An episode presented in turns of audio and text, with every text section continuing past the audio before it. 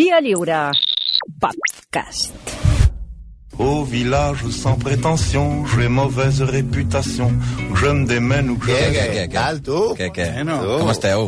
Què, Què? Com esteu? Bé, doncs, No m'he atrevit ni a escoltar-vos, imagina't. No, O sigui, en quatre ara setmanes he pensat... en El dia de Kobe Bryant, no? Capaç... No, no, no. No, no. no. És que només em van dir, va, em va arribar per missatge, fa, mm, Kobe Bryant, vaig dir, doncs uh, ja s'ho faran.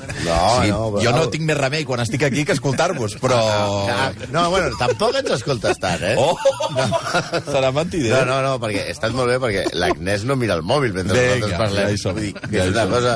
Perquè creu, creiem que hi ha com una... Aquesta aplicació de mòbil que hi ha, que tu, eh, Quina? si vas taja i no pots agafar el cotxe, no pots enviar i no pots enviar missatges als teus ex, hi hauria d'inventar una aplicació que fos la de, la, de, la de que el conductor del programa no miri el mòbil mentre està En directe. en directe assistint a una obra d'art com la que fem nosaltres. Són acusacions absolutament eh, nefastes, sí. infundades Bueno, i nefastes. En tot cas, tot són bones notícies, no? Per tu... Sí, tot bueno, va no bé, sé, tot- doncs sí. bé, vas estalviar el Kobe Bryant, com deia el... Com deia el... Però bueno, avui, avui, avui igual te la liarem, eh?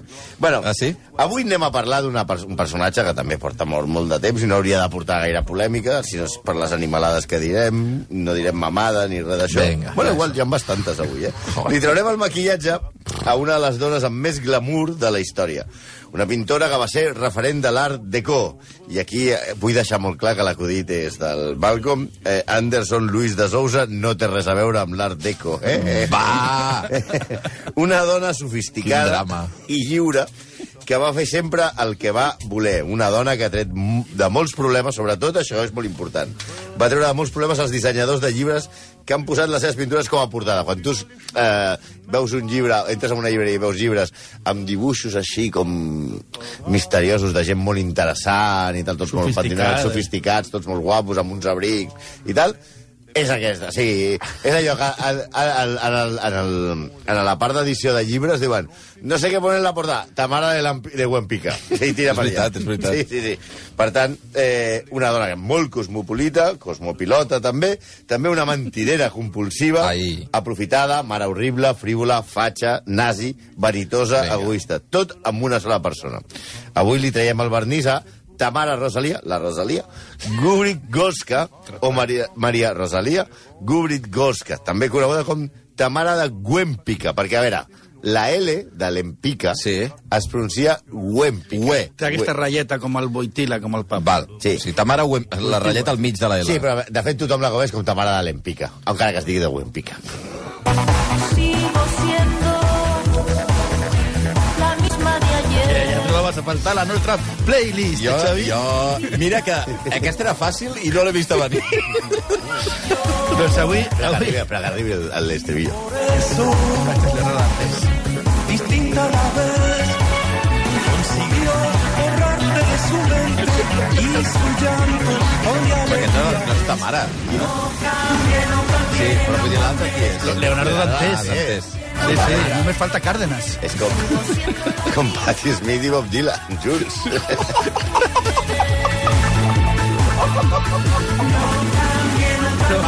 No, però no, no estem segurs que sigui el pitjor que sentiràs aquest matí, eh? ja t'ho dic. No, pot haver-hi coses pitjors. Hi ha una boníssima. Perquè en Tamara, no amb la teva mare, en Tamara, Sí, de perquè aquí l'Empica... tenim un problema. Quan diem sempre Tamara, no ens estem recordant... No t'emprenyis, eh? No, no és ma mare, ja ho És sé. una senyora encantadora que sí. Sí. la coneix un dia, meravellosa. Pues en, en Tamara de l'Empica... Salutacions des d'aquí a ma mare. tots, són, tots són dubtes, fins al nom. Uns, uns autors diuen que va néixer com Tamara i altres com Maria. Ni això està clar. Tampoc el lloc. Ella deia, ella deia que havia nascut a Varsòvia i que de nena va marxar a Sant Petersburg. Però altres fonts molt solvents diuen que va néixer a Moscou. Mhm. Bé, sabrem, com a mínim, l'any, amb seguretat. Home, això sí. No! No. Tampoc! No se sap res. Ella mentia tota l'estona sobre la seva edat. Bé, mentia tota l'estona sobre tot. A la fi de la seva vida deia que havia nascut a principis del segle XX, la qual cosa era impossible. I durant anys va mantenir que va néixer al 1902. I, I la de Wikipedia què diu? Wikipedia diu 1998, però hi ha qui diu... 1998? No, 1898. Ah. Sí, Que joveneta. 1898, però és, ja... és Zeta. 1898. Però, ja, sí, sí. però una, una, una de les biografies diu que va néixer en 1895. Ahà. És a dir, el que estem segur és que va néixer abans del, del Barça i que només estaven Jordi Hurtado i ella, i la vida era molt més fàcil. Sí, perquè hi havia el Barça.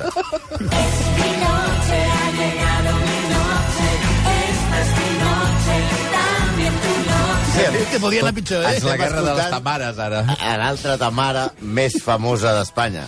Tamara Falcó Preisler. Es mi noche. La autora de la frase, hay gente que piensa que soy a pija y tonta, pero me da igual. Hay mucha gente, eh? Claro, pues bien, no eres pija ni tonta, reina. Eres la de Masterchef. Ho deixarem aquí i tornarem a la nostra Tamara, que com la filla d'Isabel Preisler també era una nena rica. El seu pare era rus i jueu i es deia, òbviament, Boris. No sé per què. Oh, boníssim. La seva mare era polonesa i es deia Malvina. Com les illes. Sí, exacte, com les illes. Era una pija de manual que es dedicava a viatjar pel món i anar pels puestos i que va conèixer el pobre Boris amb un balneari. Oh, no es pot ser més... pi- No es pot ser més Haver de conèixer el Perquè balneari, eh? les aigües, les sals Ai. i tal, la Baden Baden i tal, i tot això. I allà Ai, van- mi Boris. Sí, Boris, pon, ponme el jabón. És a, els seus pares es van separar i van anar a viure una, a, a, a Sant Petersburg i ella va anar a viure amb una tia milionària que també la família tota tenia molta pasta. Allà ella s'enamora de Tadeusz Wempicki, un brillant advocat polonès que, segons alguns autors, treballava als serveis secrets del tsar de Rússia. Mm. La societat russa es moria de gana, per això va passar el que va passar, i la seva, però la vida que tenien els nobles era d'un luxe, festes i excessos. O sigui, com la vida de Tamara Falcó abans de fer-se a l'Opus. Per això, aquesta joia musical. Ella era feliç, gairebé tant com tu quan vas comprovar que podies dormir cada nit. Però arriba la revolució russa i detenen el seu marit, el que accentua, a més a més, les seves idees contrarrevolucionàries. Amb l'ajuda del cònsul, del cònsul suec, escapen a Dinamarca i al final acaben a París. Evidentment, només veus que només es movien per llocs amb un cert Hombre, sí. hombre. Sí, sí. sí Escaparem, però tampoc no perdem la compostura. A, a Rubí no s'escapava. Tadeus, el marit, resulta treballar menys que Arda Turan, cansat. I sobreviuen venent joies. Home, està bé això. Viuen a un hotelet i ella fa classes de pintura, rep.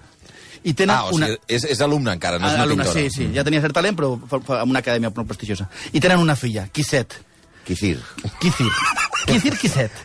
Ta mare comença sí, a... a Fra... Posant-li una de Quisir, eh? Què, fet, això? Quisir. Petits. Pareu ja. Ta mare comença a freqüentar l'ambient artístic de l'època. Vegada dius que ta mare comença a fer una cosa... amb- Ta mare, no, no, no ta mare. No, és la meva mare, ja ho sé. I comença a notar una tremolor molt forta a l'entrecuix. La Wempica, no ta mare. No, deixa ma mare, ja. No. Ella es comença a fer mariners, senyores, senyors, jovenets, per separat, en grup... No sé si heu estat mai en una orgia. Xavi, contesta. Aquest silenci... No. Eh... Doncs ella, ella, ella sí que ha estat en una orgia, en moltes orgies. Bueno, però ningú ha dit que sí aquí, eh? No, però, No, no, jo no. però segurament ara, a l'altra banda de, de, de les Algú zones, la gent està de dient... Jo, jo, jo, eh. L'altre ha dit, papet? Telèfons oberts, aquí hi hagi- papet. Sí, truqueu. No, no, cal. Vale. Eh, I si teniu certa... Si heu participat en una orgia i teniu certa edat, uns 120 anys, és probable, molt probable que hagueu coincidit amb ella.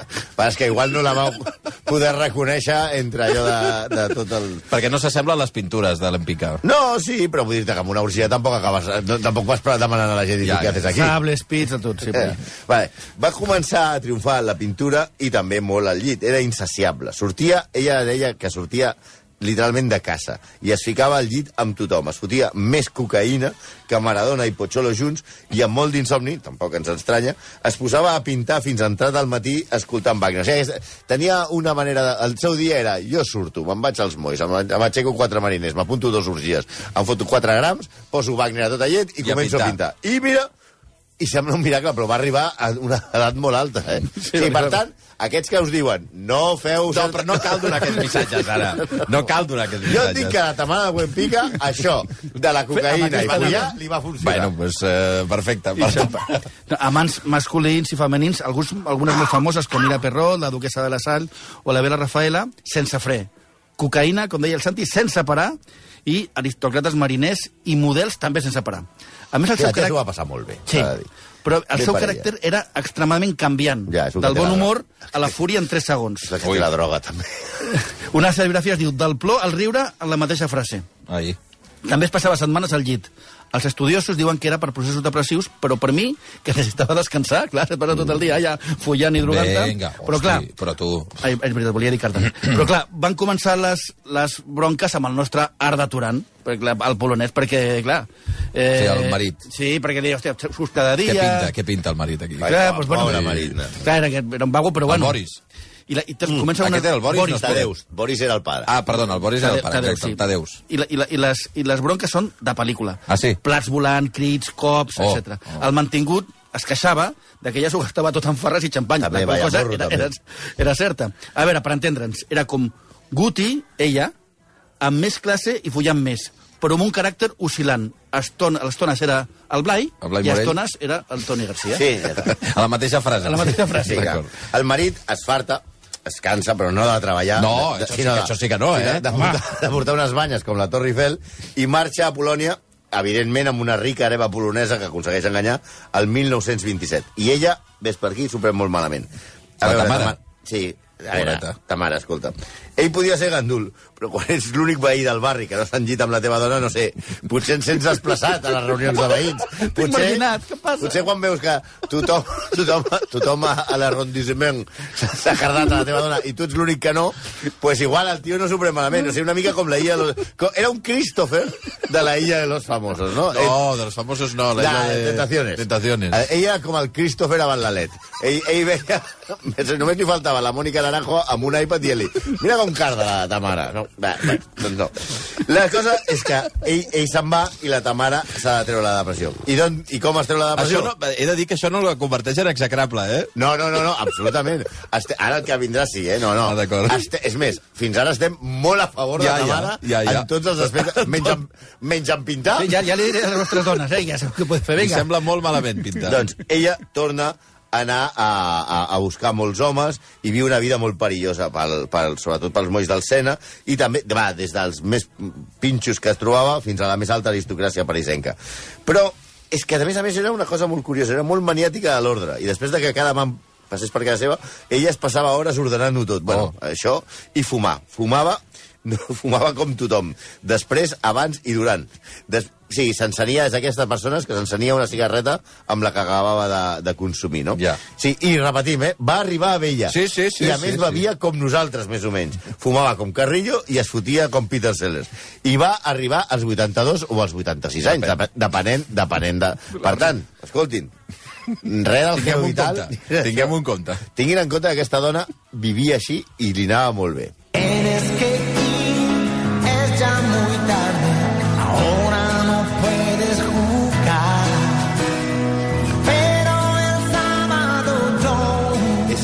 Però què té, què, perdona, què té a veure Eros Aquesta Ramazzotti, cançó, ara? que és una obra mestra de la, de la, de la, de la música universal, Sí, sí, sí. és la cançó que Eros Ramazzotti li va dedicar a la seva filla després del seu divorci. Si escolteu la lletra, és vomitiva. Sí, sí. Ja vindrà el dissabte, que ara em poso molt trist, ter- terrible. O Perquè sigui, li dedica per pal·liar el dolor del divorci de la diu, seva filla. Diu, perquè avui t'haig de deixar, no ploris, vindré el dissabte que ve, Ahà, jugarem i ahà. tal, no sé què. perquè, perquè surt això? Perquè, i la filla, la, la Tamara, no la d'Eros Ramazzotti, eh? què passa amb la filla mentre la Tamara, a la Tamara li arriben els diners, la fama, i està tot el dia, i la nit de festa? Doncs, tot i que la retrata moltes vegades, i que un dels seus quadres més famosos és Quisset al balcó, la seva filla li fa, li fa nosa. Li molesta. Li molesta. Tant que molts dels que l'envolten, a, a Tamara, ni tan, som, ni tan sols saben que té una filla. No queda bé, no és l'amorós, i oculta moltes vegades. Aquí es comporta molt mal. Alguns Aquí la, tra- la, tra- la, Sí. teníem. Sí. Ara ja, no, tenia, ara ja. no, tenia, no tenien relació gairebé. Alguns dels quadres de Quisset es deien, al principi, nena petita a mosset. Home, és la teva filla, tio. Sí, ni tan sols deia que era Quiset, Ah, eh? I títols així. Quisir. Quisir, quisir amb quisir. Quisir, quisir. Gairebé no va veure a la seva filla, que estava, que estava sempre amb l'àvia Malvina. La realitat és que... Ara he entès àvia Albina. I Ja Albina. m'ha explotat el cap. Que tenia una àvia la, la Albina. deixava al zoo amb copito. No, la realitat és que a Tamara li molestava sa filla. Sí, Ja. tant és així que fins i tot Tamara es torna a casar en segones núpcies, evidentment amb un altre pastoso, amb un aristòcrata un hongarès, ben fet. un milionari, el baró Rolf Kufner, per cert, era la parella de la seva, que li aixeca la parella, la seva gran amiga espanyola, Nana de Herrera, que també devia ser relacionada amb els Falcó, Nana de Herrera, i que va fer de model per ella. Gairebé prefereixo d'amic a Bartomeu quan m'acomiada, com, a, com li va passar a Valverde. I entre el perill del seu origen jueu, a l'esclatar la Segona Guerra Mundial, i que a París s'estava desubicant perquè, segons la seva biògrafa, Laura Claridge, pels artistes ella semblava una dilatant de classe alta i per l'alta burgesia, burgesia semblava una dona arrogant i depravada, decideix marxar als Estats Units. I deixa, i què fa amb la nena? Pues si te he visto, no me acuerdo. No fotis, l'abandona? Sí. Quan des dels Estats Units ta mare escriu a sa mare i a sa filla per dir que no tornaria a buscar-la a París, l'àvia, que també era de traca, s'enfada tant que crema bona part de la col·lecció de quadres de sa filla. Ostres. Sembla que ta mare, no, a, a ta mare no li van portar gaire, bueno, és igual. Ja en pintaré un altre. Ja en pintaré, ja ho faré un altre cop. Al final, sa filla viatja als Estats Units amb la seva mare. Sí, ella, ella se'n va, eh, hi ha dues versions, una que és perquè fugia dels nazis, perquè tenia orígens jueus, Mhm. i entraven els nazis. Bueno, això és una... Té, té èpica, això, està bé. Això té èpica, però eh, també era perquè la- l'alta societat i la, i la societat dels artistes, els dos que freqüentava, no l'acceptaven perquè no la suportaven. Perquè preguntem, ho dels nazis té èpica, bé, perfecte, però com era ella políticament? Doncs ella era nazi. No Ella fot- estava a favor dels nazis. Però no- Ella va ser eh, molt favorable a Hitler i Mussolini, també. Perquè els considerava gent Però els va sentir quan parlava dels jueus o això no, no se sap eh, massa? devia ser pels jueus pobres. Ja, ja, ja, ja, que ella devia pensar, Devia mira- pensar que van per altres, no? Ella, ja han dit, era, ell, ella admirava molt la gent d'ordre, i hem dit que després de Cardà sempre posava bé les coses. Vull dir que devia per aquí. De, eh, eh, també va ser molt propera a la, eh, i fins i tot quan vivia a París eh, per veure que era nazi-nazi es va apuntar a Acció François un, movi un moviment monàrquic molt de dretes que va tontejar molt més amb el feixisme i que ja havia sortit aquí altres vegades no? per això però això no és tot. També va ser amiga de l'ideòleg feixista Marinetti i molt amic del, del poeta feixista Gabriele D'Annunzio, D'Annuncios fascistes. El poeta li va regalar un anell amb una norma que, es- que, que se regalava aleshores. Regalaven un tupassi. Tupassi? Però, però entre els nens, entre els nazis regalaven tupanassi. Aquest ha estat horrible, però també m'ha agafat de sorpresa. A, a Un li va fer un, a Denúncio li va fer un retrat inacabat, però també el va humiliar bastantes vegades. Ell va voler cardar amb ella sense aconseguir-ho, convidant-la a la seva mansió i omplint-la de regals caríssims. Li deia la dona d'or, i va pensar que com a ella li agradava el luxe, s'aniria amb l'aristòcrata italià. Li agradaven els feixistes i els, i els rics, però no tant. També podríem dir, home, la tia era feixista, nazi, va abandonar la filla, tenia una vida lliure i era una dona avançada al seu temps i que podia ser una... que també se l'ha intentat vendre com una precursora. Feminista. Exacte, una precursora feminista. Doncs tampoc, eh? Sí, era, ella era una dona lliure i alli- i alliberada, però eh, mireu el que deia de les, de les feministes. Aquest, eh, la seva idea sobre la dona, primer. Aquesta és una bona nit per fer feliços els homes, per abocar a les orelles una bona conversa, per complaure els seus desitjos en matèria degustativa, es sopa a les 8 perquè m'agrada que els homes tinguin temps a reposar a casa abans de tornar a tensar quan arribi la nit. Ja s'imagineu què vol dir, eh, què vol dir Sí, tensar. no cal eh, insistir. En Sí, després li van preguntar una opinió sobre l'incipient, o el, no l'incipient, però el que hi havia en aquell moment un moviment feminista, i ella va respondre, és difícil ser dona en aquest món. Per sobreviure cal usar el cos i la sexualitat. És a dir, que de feminista no tenia, no era cara a campo amor, diguem-ne. Ja. Sí, aquest va, va ser un dels seus problemes arribar als Estats Units, perquè allà va caure en l'oblit. Primer perquè li interessava més el glamour de Hollywood que l'art. De fet, només arribar, es va comprar una mansió que havia estat de la casa del director King Vidor i va començar a dir que s'assemblava molt a Greta Garbo, una mica patètic. Hem d'entendre que ella sempre va, va, sempre, sempre, sempre va voler ser una diva. Com a curiositat, el famós autorretrat del Bugatti verd, ja mireu a internet que és molt, molt famós, era una fantasia, perquè ella tenia un Renault groc. Oh. Sí, Això és com aquests muntatges que et poses al fons del Carib quan Sí. ets a Mollerussa, saps? Sí, sí, sí, sí. A més, als Estats Units... És eh, el filtre d'Instagram, una Exacte. mica, eh? Als Estats Units, quan va arribar, aquests, aquests quadres que feia ella tan pijos no es portaven.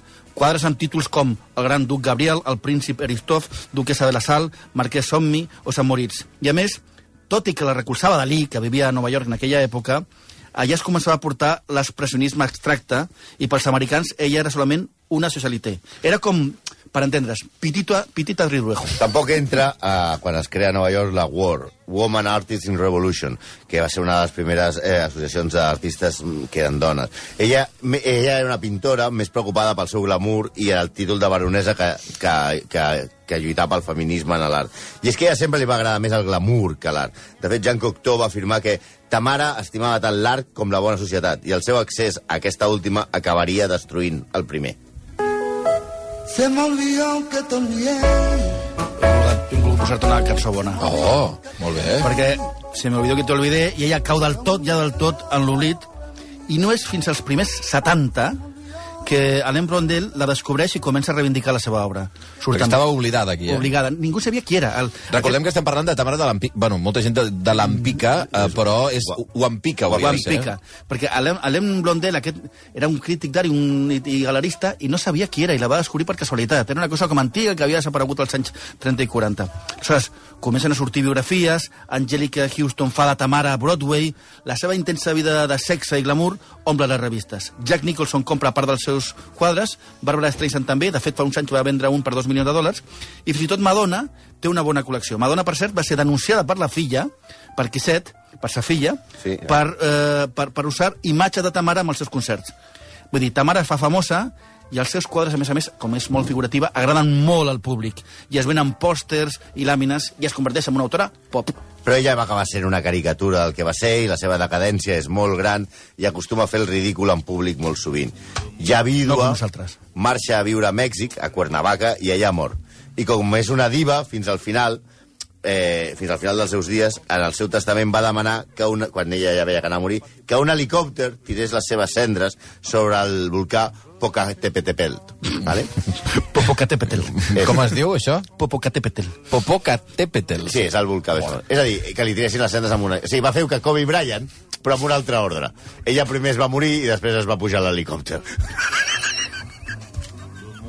Glamour fins al final. Remato amb això, sisplau. Tout le monde viendra me voir pendu, sauf les aveugles, bien entendu. Bueno,